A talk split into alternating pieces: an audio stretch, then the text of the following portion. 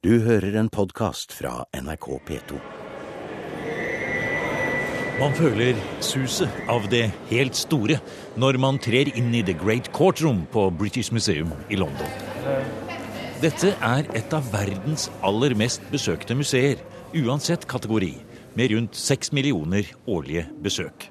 Og nummer én på statistikken over de mest besøkte turistattraksjonene i hele Storbritannia. Hele verdens kulturhistorie er samlet her, med de mest utrolige, uerstattelige skatter menneskehetens kulturhistorie har å by på. Hentet inn fra alle hjørner av det som en gang var det store britiske imperiet. Og det er hit verdens største og flotteste vikingutstilling har kommet. Det er den fra København og som skal videre til Berlin. Men her i London har vikingenes liv og legender, som utstillingen heter, fått sin helt spesielle form.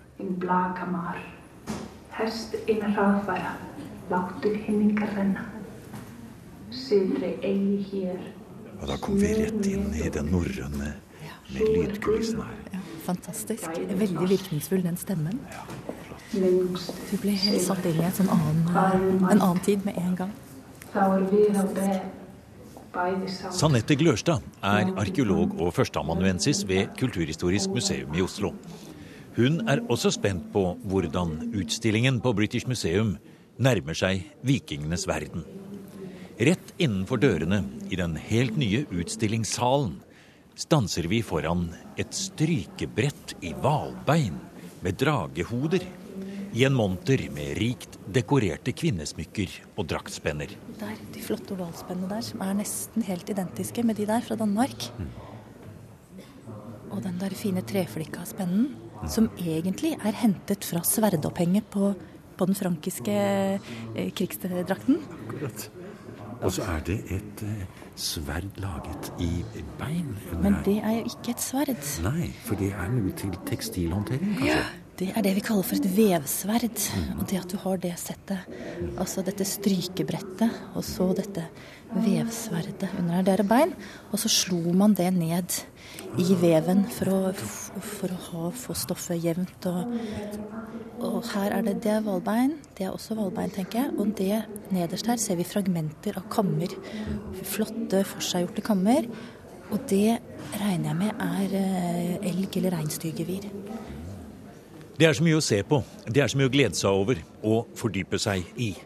Det er så mange overraskende kombinasjoner av gjenstander fra vikingtiden at vi antagelig kunne ha laget et helt program om hver eneste måneder. Og det er tanken bak, sier kurator Gareth Williams fra British Museum. Selve begrepet viking og hva man legger i uttrykk som vikingenes identitet, det er mye mer sammensatt enn det var tidligere. Of course, double meaning of Viking. In Old Norse, it means a pirate, it means a raider, but it's taken on that much wider meaning applied to a whole society. And so we're using Viking in that much broader sense throughout the exhibition. If we'd called it Det er nesten bare Egypt og pyramidene som slår interessen for vikingtiden, sier kurator Gareth Williams. På en måte er ordet viking nesten som et slags varemerke, hvor publikum forventer en bestemt type opplevelse. Kanskje litt i retning av horn på hjelmen, mord, ran og drap. Men det finner man ikke her, ikke engang i suvenirbutikken, sier Gareth, som nok tror utstillingen har truffet midt i en bølge av TV-serier og Hollywood-versjoner av vikingtiden. For det er lange køer og tusenvis av mennesker som vil inn. Presse og media fra hele verden. New York Times er neste på listen for kurator Williams. Og i går kveld var det kinesisk fjernsyn. We've been fortunate in some ways with the timing. Anything Scandinavian is fashionable here, and that's partly all the crime dramas and uh, and so on. And I suppose the idea of the killing is something that the Danes brought to this country a long time ago, uh, pre pre TV. But the Vikings are always a popular subject. It's also a very long time since we've had a big Viking exhibition in this country. The last really big exhibition on the Vikings was back in 1980, and obviously for a lot of people, they weren't even born then. I'm, I'm just old enough to remember it. I was brought as a, as a treat. As a det kan nesten virke som om det er en slags uskreven avtale mellom de største museene i verden at det skal arrangeres en stor vikingutstilling én gang i hver generasjon. Og nå er det akkurat så lenge siden sist, mer enn 30 år, at det har kommet til mye ny forskning. Kanskje det aller viktigste av det nye er at hele Øst-Europa og Russland er åpnet opp, sier Gareth Williams. Vikingenes østlige reiseruter, de mange arkeologiske funnene fra Russland, Ukraina, Polen, de baltiske landene. Nå er alt dette tilgjengelig, og også forskerne møtes med en helt annen innstilling enn før, sier Gareth. Og det kommer tydelig fram i utstillingen. the fact that the official Soviet position was that Greater Russia was purely Slavic and any evidence to the contrary could just be ignored was a real barrier. Of course, Viking scholars in 1980 were well aware that the Vikings had a major impact in that area, but it was much harder to borrow material. It was much harder to have meaningful academic dialogue with our colleagues in the former Soviet Union. These days, there's very exciting new research going on, and our Russian and Polish and Ukrainian colleagues are very much part of that, and we're learning from them and vice versa. But there's also the opportunity now to borrow this material. So we've got a lot of objects in the exhibition, both old finds and new, which are being shown here in Britain for the first time and opening up that eastern side. And I think for a lot of the public, that is an untold story. Er andre. Se, det er fra Russland. Det er helt fantastisk å se hva slags type funn. De har jo samlet de fineste funnene fra hele Europa, egentlig. Her sånn. Men hvis du ser på det skattefunnet her, som er fra Russland, eh, så ser du at det er litt likt. Litt sånn oppklippa, litt sølv, litt, eh, litt eh, mynter og sånne ting. Men samtidig så er det eh, gjenstander som gjør at man kan med en gang se at dette er et, et østlig, mer østlig orientert funn. Alle disse halvmånesmykkene og sånne ting som er typiske for den østlige eh, delen av Og der borte ser jeg en hel del farvede glassperler. Mm. Kan minne litt om det som kanskje ble funnet også på Kaupang, kanskje? eller? Noen av de gjerne det. Jeg syns jeg ser noe bergkrystall og noe karneol. Og det er jo ting som kommer inn eh, fra, via Silkeveien og fra Sentral-Asia. Fantastisk. Men eh, hvis du ser Dette her er tydeligvis hele dette, denne delen av, av utstillingen. Har eh, til hensikt også å vise på en måte bredden eh, i den eh, Ikke den norrøne ekspansjonen, men også den norrøne eh, assimileringen, vil jeg egentlig si. Eh, og variantene eh, som finnes da over hele Nord-Europa og langt inn i Russland. Og alle de sitatene som du ser rundt her. Her er et sitat Fra Iben Kurra Dalubin, Ja. en arabisk forfatter. Som er skrevet ned rundt 830 etter Kristus. Og da skriver han eh, om eh, russ som eh, reiser, da, hvordan de reiser ned til Middelhavet og helt ned. Noen ganger skriver han 'kom de helt til Bagdad'. Eh, Og mange av de andre sitatene rundt her òg. Han, han er sitater Ja, fra samtidige kilder. Eh, alt ifra sagamateriale til å skallevers til arabiske reisende. og Det står ikke f.eks. vikinger eller norrøne eller skandinaver eller noe annet som vi kan knytte til vår del, men det står russfolket er mange nasjoner, delt inn i mange grupper, eh, skriver disse arabiske eh, forfatterne. da. Det var slik eh, vi, holdt jeg på å si, våre forfedre ble sett på. Ja, i hvert fall i den delen av verden. For du ser, dette er Det sitatet du nevnte da, det er fra 900-tallet. Og så skriver han videre eh, de reiser helt til Andalusia, til Roma, til Konstantinopel og til kasarene. Eh, Svartehavet. Ja, Svartehavet. Et enormt eh, nedslag. Vi går gjennom utstillingen Vikings Life and Legend ved British Museum i London sammen med arkeologene Sanette Glørstad fra Kulturhistorisk museum i Oslo og kurator Gareth Williams fra British Museum.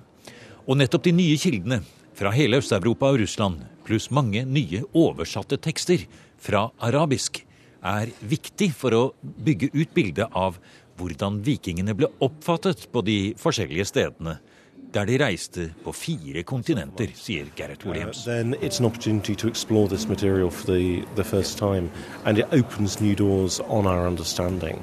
And we've tried to give throughout the exhibition voices for the Vikings themselves, poetry, etc. Um, but also the Arabs, the Franks, the Irish, giving different perspectives on what this Viking age means to different people in different parts of the Viking world. Det, jeg tenker når jeg ser de tingene her, det er at vi noen ganger har lett for å tenke at vikingtiden er en slags type skandinavisk spesialitet. Og det er det på én måte.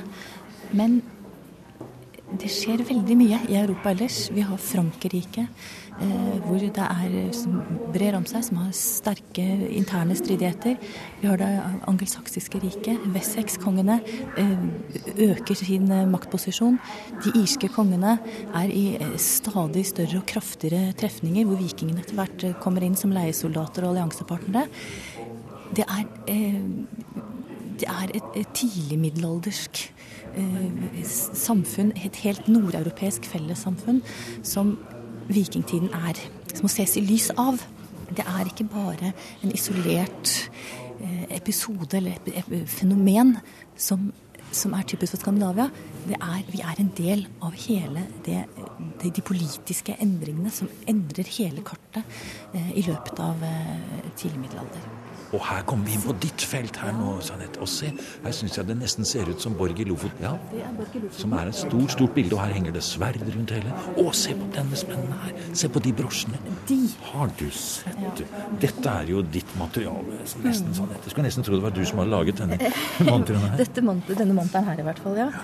Her har vi Altså det, den øverste spennen her, som vi ser, det er én stor sirkel.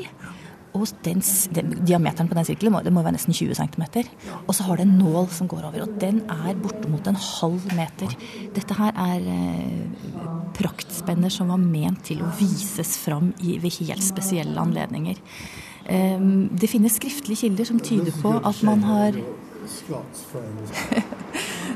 um, Vi trekker oss litt bak her, sånn for det er så mange som vil se her, så vi ser det like fint her borte fra. Eh, og det er noen distingverte herrer her som kommer og vil se på. Det er ikke noe rart i. For ditt store arbeid, ditt doktorgradsarbeid, det går jo nettopp på hvordan disse store brosjene eh, kanskje er importert fra Irland, hvordan man også importerer selve rangordningen og hele dette som man kan si er overføring av makt og symboler. Mm. De spennene har vært rangsymboler. Men spennene i seg selv har vært en del av et draktuttrykk. De har vært gitt antageligvis sammen med kappen.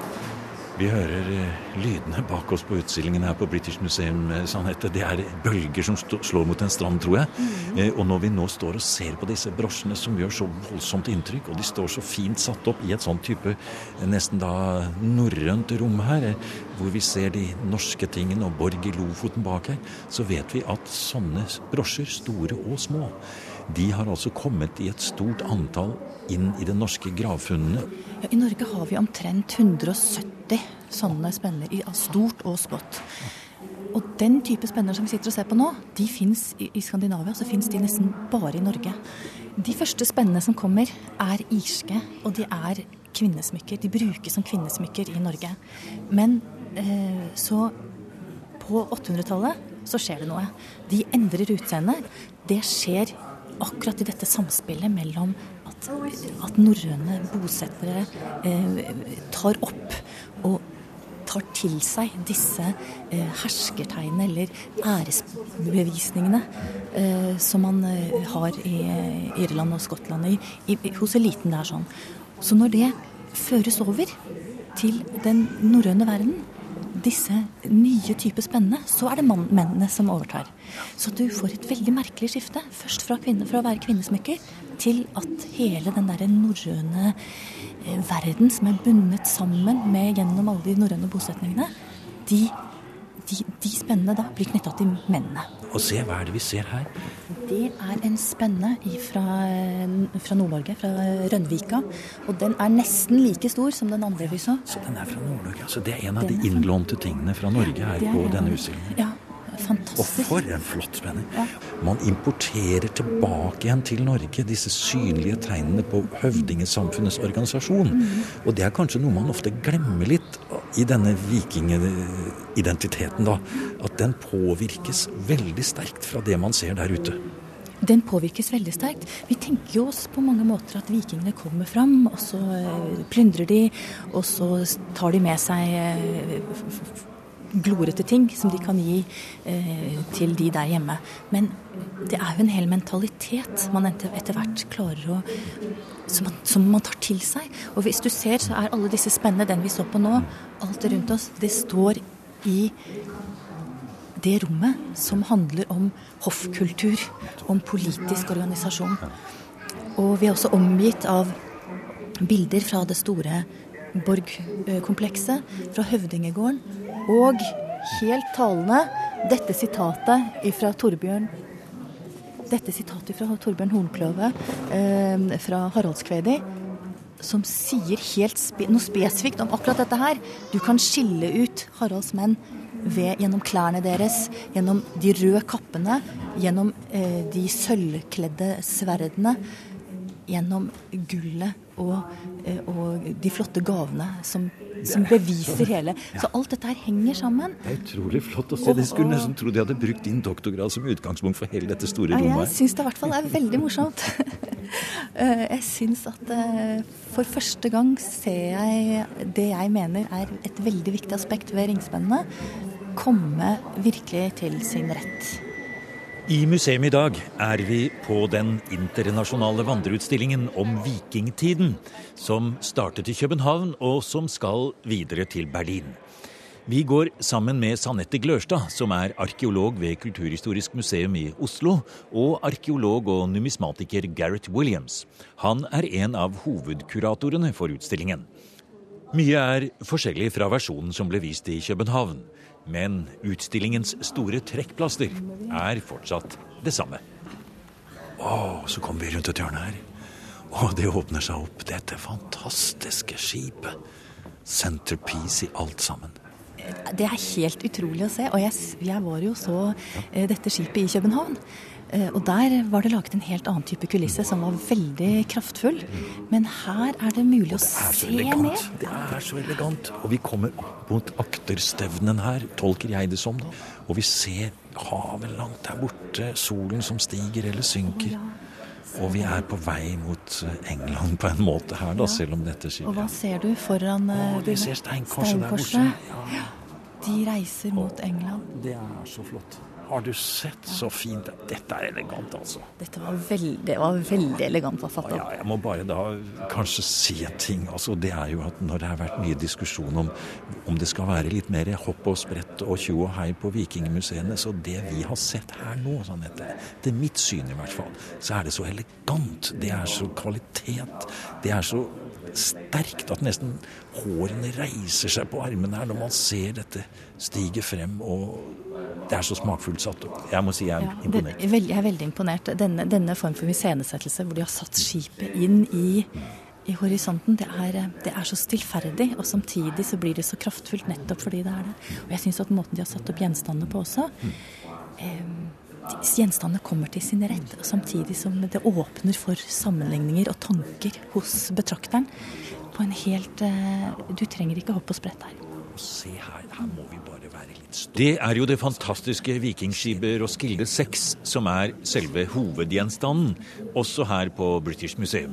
Men siden vi har omtalt skipet flere ganger tidligere her i museum, går vi rett bort til en fryktinngytende del av en hodeskalle. Hentet opp fra en massegrav for mer enn 50 vikinger, som ble henrettet rundt år 1000 i Dorset like ved Weymouth, nede ved den sørlige delen av den engelske kanalen. Funnet er bare tre-fire år gammelt, og publikum flokker seg rundt det. Han springer nesten ut eh, for å ta oss. ja, og det er selvfølgelig krigeren vi ser på her. Mm. Dette er kommandosoldaten. Og en av kjennetegnene er altså at det er eh, skal vi si, horisontale, vannrette spor slipt inn i overtennene. Og mm. tennene er også mm. filt ned på en veldig grusom måte. Og, hvor, og hvorfor er, tror du det, Sanette? Hva er det som har skjedd her? Ja, dette, det, disse strifene her, det har vært en form for, for ekstrem body kroppsmodifisering. Ja, det har vært eh, utrolig vondt. Det er det ikke noe tvil om. Du har eh, tatt ja, Vi kan jo bare tenke oss det sjøl, egentlig.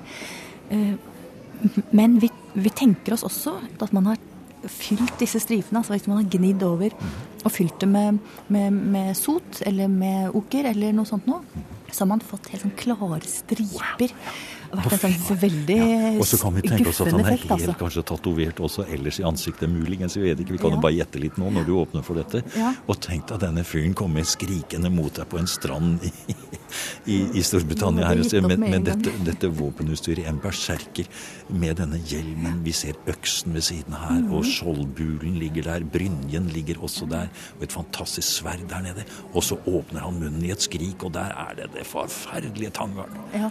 Den er Han har vært Vi hadde gitt fra oss alt med en gang. Uten tvil. Nei, men, men, men det er litt det, er, altså det at du har Vi har ikke bare én skalle. De er funnet sammen, så vi kan på en måte lage, noe, lage, en historie bak det. Vi kan prøve å forstå noe av det som ligger bak det. Og vi har også helt lignende type skaller med lignende type innristninger funnet i Danmark. In some ways, all of this is like the modern footballer with his name on the back of his shirt.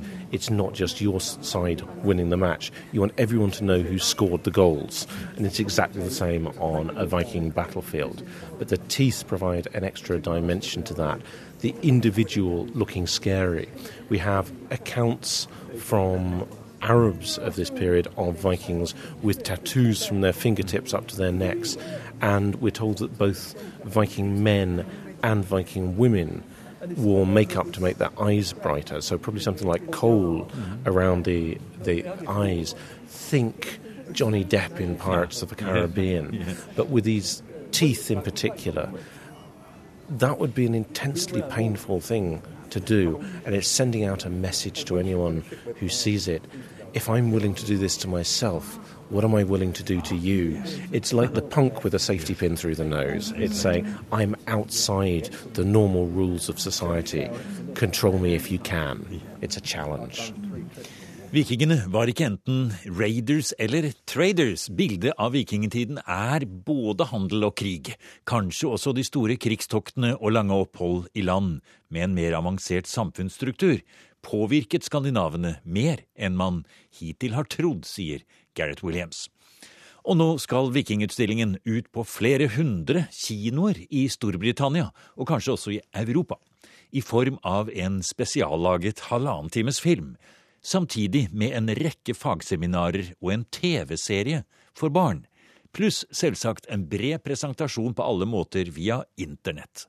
Og, sier Gareth Williams, de som velger å vandre gjennom utstillingen til fots, de kan velge mellom flere typer medieguider.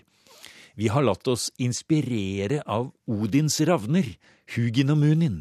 Tanken og minnet, sier han. We've taken the idea of Odin's ravens, Hugin and Munin, thought and memory, as essential to what museums, in fact, do. So there's a family trail leaflet, things to think about and things to remember. And as you go through the exhibition, you'll see some of the cases have a label with a picture of two ravens on, and that's an indication there's something there to engage the children particularly. I think the important thing to say about an exhibition like this is we're trying to convey new ideas and new research. We're not claiming that all those new ideas and new research are ours. Uh, the Viking community, that scholar, the, the community of Viking scholars over the last 10, 20 years across many different disciplines has taken our knowledge forward. And so what we're trying to bring in is different voices representing different aspects of that, um, and uh, to show really what a, a healthy place Viking studies are in today. Vi forlater Vikingutstillingen i London med et lite blikk på den spennende sølvskatten fra York som Gareth Williams har fortalt mye om her i museum tidligere. I en strålende monter vises de mange hundre gjenstandene, mynter, hakkesølv og smykker, som flyktende norrøne krigere fra York gravde ned ved en elvebredd, hvor den ble liggende helt til for noen år siden. Det er Gareth Williams som har ledet arbeidet med konservering og tolkning av skatten. Og vi tar med oss til slutt hans tankevekkende ord. om at den mest vanlige innskriften man kan lese på gjenstander fra norrøn vikingtid, det er setningen 'Allah er stor'. We have coins in there which combine Christian Thor's hammer, the name of St. Peter, um, Petri, the eye of Petri has become the handle of Thor's hammer. It's saying you can carry on worshipping Thor as long as you call him St. Peter now. And then we've got the Islamic coins. Again, a, a fact that people are often unaware of is that the single most common inscription from Viking Age Scandinavia is There is no God but Allah, he has no partner, simply because of the tens of thousands of these coins yes. that made their way to the Viking homelands. And then again within this coin, the church vessel, almost certainly looted from a church or monastery in Western Europe, but the coins coming from the East through trade. So we have raiding and trading, we've got three religions, we've got the whole Viking world. Really, we didn't need the rest of the exhibition. This hoard does it all. yeah, yeah. Du har hørt en podkast fra NRK P2. Send gjerne en e-post til museum krøllalfa nrk.no.